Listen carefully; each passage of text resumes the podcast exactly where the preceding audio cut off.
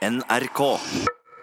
Det er eh, mye grått hår må vi kunne si, på landets eh, museer, og problemet er det samme i mange europeiske land. I en undersøkelse Norstat har gjort for NRK, sier over halvparten av de unge mellom 15 og 25 år at de rett og slett ikke er interessert i museer. Nei, det gjør jeg ikke.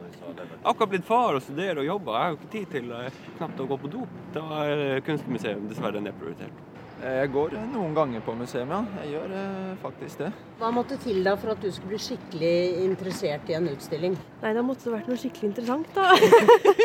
Først og fremst. Det er jo å appellere litt mer til ungdom, kanskje. Prøve med litt mer nyvinninger, ikke bare kunst og skulpturer. Vi som er, vi som er deltakere kan gjøre noe da, for å erfare kunsten, ikke bare se på. Studentene vi møtte på Oslo OsloMet var blant de eldste i undersøkelsen som Norstat har gjort. De unge voksne mellom 20 og 25 år. 41% av dem går aldri på museum. Og 60% av dem sier at det er fordi de rett og slett ikke er interessert. Sånn ser VR-briller ut. Du setter de på sånn. Og da, da, du, du da kommer du inn i en helt egen verden.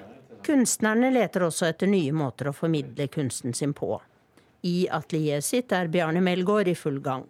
Det meste foregår på en computer, og han lager kunst du ikke behøver å gå på museum for å oppleve.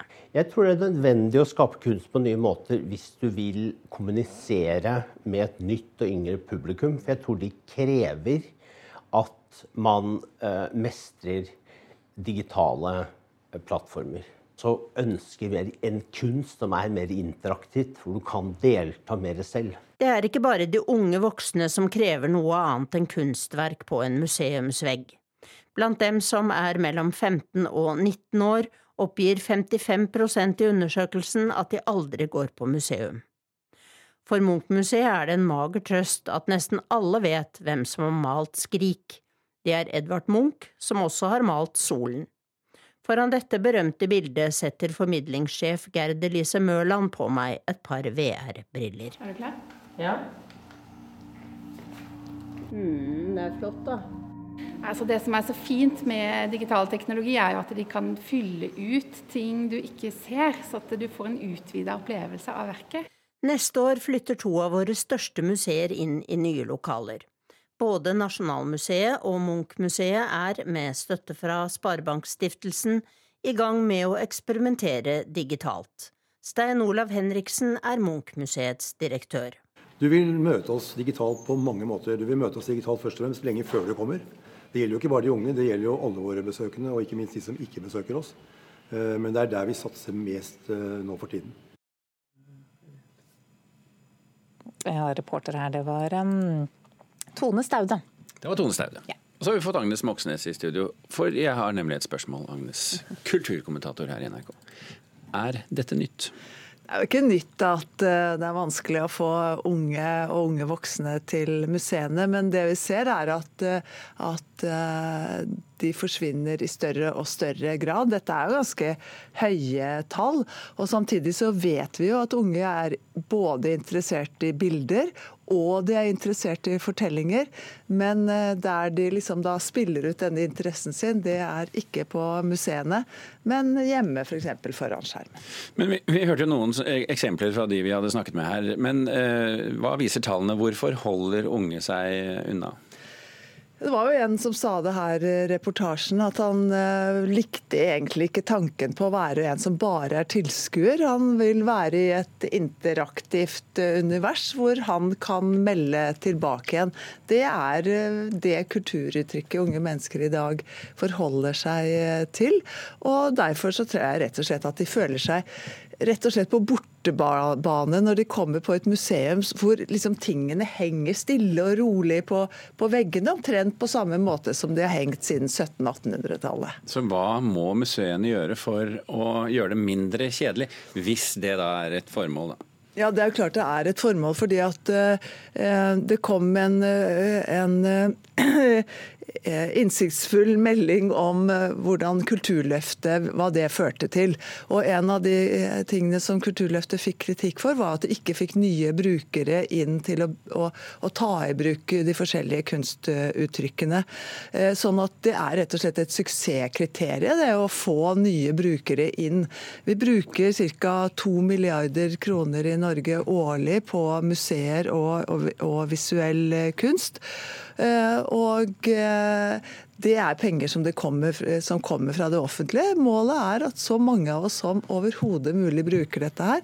Så det er rett og slett en, en, oppfordring daglig til museumsledere at de må tenke på hvordan i all verden kan de lage utstillinger som uttrykker seg på en måte, eller formidler kunst på en måte som gjør at, at unge folk får lyst til å, å gå på museet, bl.a. Men én ting er hva museene gjør, men hva med kunstnerne selv? Hvis vi tar kunstmuseene da, som et eksempel. Vi har jo snakket tidligere med, med Bjarne Melgaard, som, som, sier at han tenker digitalt uh, og, og, ønsker å utforske det på en måte og uh, nå publikum. Men hvor vanlig er egentlig det blant norske ja, det, kunstnere? I større og større grad at kunstnere sitter og tenker at For de vil kommunisere med, med sitt uh, publikum. Men det vi også ser Jeg så en annonse for Hadelands Glassverk her, en diger annonse i en avis, hvor de, hvor de da nå i løpet av sommeren, vil jeg tro det var, skal kjøre et digert digitalt show på Hadeland Glassverk som er produsert av van Gogh-museet, som visstnok da har en helt spektakulær inngang til van Goghs bilder. Så det museet da gjør, er at de sender ut eh, eh godkjente, eh, flotte digitale løsninger på en helt nye arenaer hvor de ikke har vært før. Og så satser de på at dette antageligvis da kan føre til at folk tenker ja, vi drar til Amsterdam og går på det ordentlige museet for å se de originale bildene. Ja, og Dette var altså en utstilling som eh, åpnet på Hadeland Glassverk i går. Eh, eh, eller lørdag var det faktisk. Ingen åpner på en mandag. Vi har Mona Palle Bjerke utenfor, skal snakke om den siste utstillingen på Munch-museet. Og da skal vi også stille spørsmålet om det er noe for ungdom, men i mellomtiden.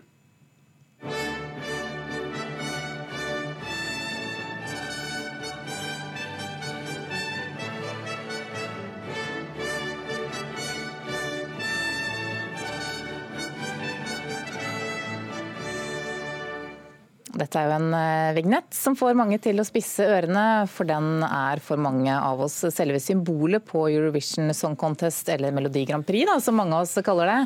Eh, I kveld er det klart for første delfinale i Tel Aviv i Israel. 17 land deltar i kveld, og de som får flest stemmer her, går også videre til finalen, som er på lørdag. Reporter Knut Øyvind Hagen, du er så å si på vei til Tel Aviv. Norge skal jo ikke delta i denne første delfinalen, men hva er det som skjer i kveld?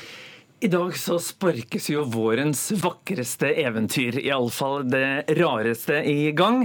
Passende nok i en by som betyr vår. Aviv er vår på hebraisk.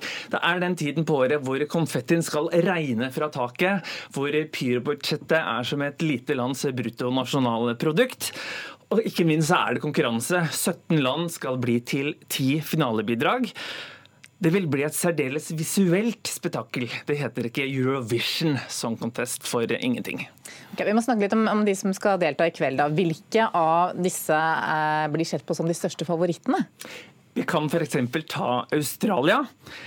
De stiller med en koloratursopran. Hun synger altså hurtige løp og tonesprang med himmelhøye toner. Vi kan skal vi høre litt på henne?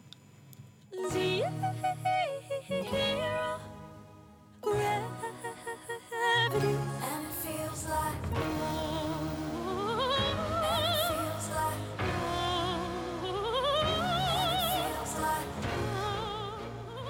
Den heter Zero Gravity, og de har virkelig tatt den tittelen ut på scenen. Fordi hun svever rundt i rommet, mens hun altså synger null tyngdekraft.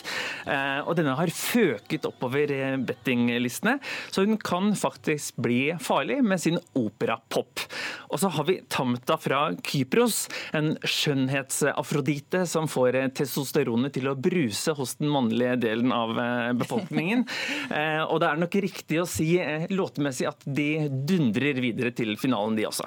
Det er noen andre som skiller seg ut? Vi kommer jo ikke utenom Island. For eh, Hatari de får finske lordi til å blekne. Vi snakker BDSM-tekno, lettkledde menn i lær og et eh, politisk budskap. De vil knuse kapitalismen, de er Israel-kritiske, og de kaller seg den rosa elefanten i rommet. Bare hør her.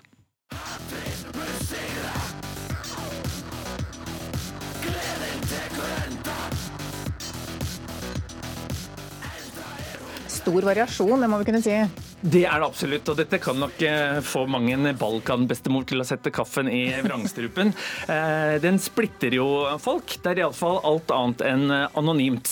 Så har du San Marinos tyrkiske tannlege, han vil skape virak. Og Portugal med sin mannlige havfruedanser. Og den som skjønner hva det betyr, den fortjener egentlig en pris. Og på torsdag er det da andre delfinale. Da skal norske Keiino på scenen. Hvem blir de hardeste konkurrentene da? følgende trekløver. Sverige med gull-gospel-pop. Det er ingen tvil om hvilken plass de sikter seg inn på på pallen. Russland har brukt to millioner dollar på sceneshowet. Der er det ikke less is more som gjelder. Det eneste som egentlig mangler, er eh, kunstløperen fra 2008, da de vant da. Og så har du Nederland, en varsom ballade som lar musikken tale for seg. Han sitter alene ved pianoet og synger ut hjertet sitt. Det er 25 år siden en pianomann vant i Eurovision. Så får vi se om det jubileet blir fullendt da vi skal til Amsterdam neste år. Det norske bidraget er altså Keiino med 'Spirit in the Sky'. Hva slags respons har det norske bidraget fått i Tel Aviv? De har blitt veldig varmt omfavnet. Folk elsker det etniske. Og Fred Buljo, joikeren, har jo nærmest blitt en kultfigur der nede. Eh, så de fleste regner med at det blir eh, joik i finalen. Men eh, gull er kanskje for mye å håpe på. Okay, vi får se. Torsdag er altså første mulighet for Norge. Finalen er på lørdag. God tur, Knut Tusen takk. Øyvind Hagen.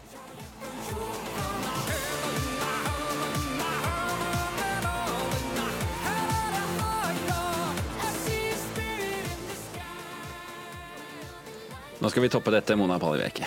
Ja. vi snakker om eh, Exit. Eh, det er den store, siste store utstillingen på Munch-museet på Tøyen. Eh, de skal riktignok ha flere mindre utstillinger hele veien frem til åpning av det nye museet i, i, Bjørvika, men dette er altså den siste som fyller hele museet på Tøyen. Og da må vi stille spørsmålet hva slags utstilling er dette? Ja, dette er en utstilling som forteller historien om museet på Tøyen. Eh, og den fantastiske testamentariske gaven som Munch da forærte Oslo kommune ved sin død i 1944.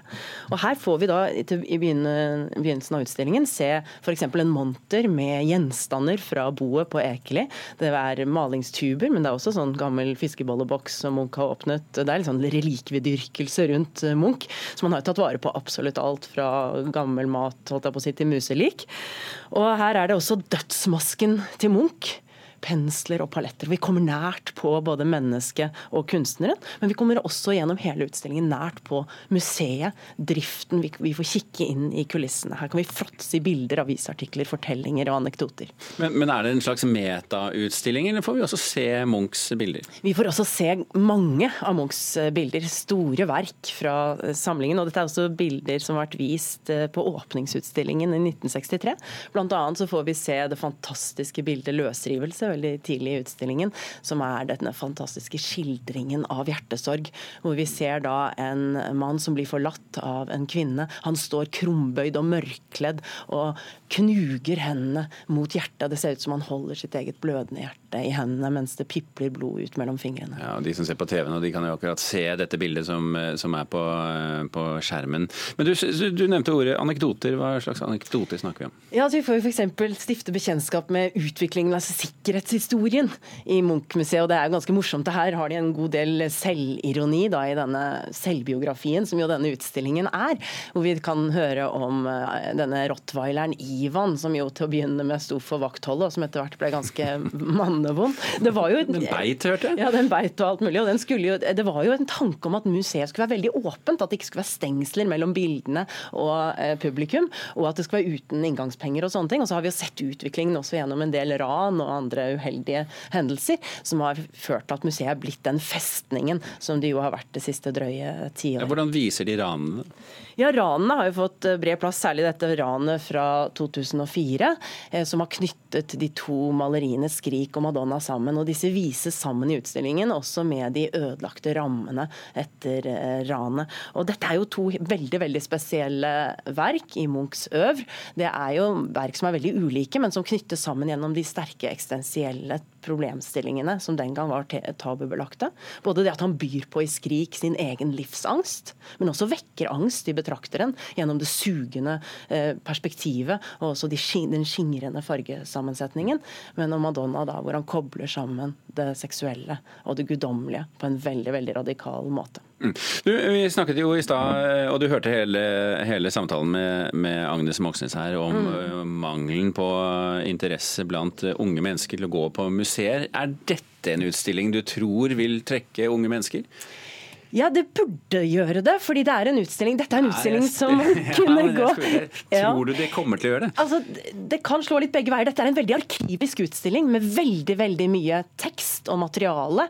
Og det kan jo være at noen lar seg liksom skyve litt bort av det. Men jeg tenker at dette er en utstilling som man kan gå inn i fra veldig mange kanter. Man kan jo velge å se på bildene. Det er veldig mange av dem. De henger på veggene. Og så er det lettvegger med avisartikler. Det er en film som inviterer oss inn i Eh, og, forteller om arven. Så er, jeg tenker at det er veldig mange veier inn i dette materialet, og at dette er en utstilling egentlig for absolutt alle.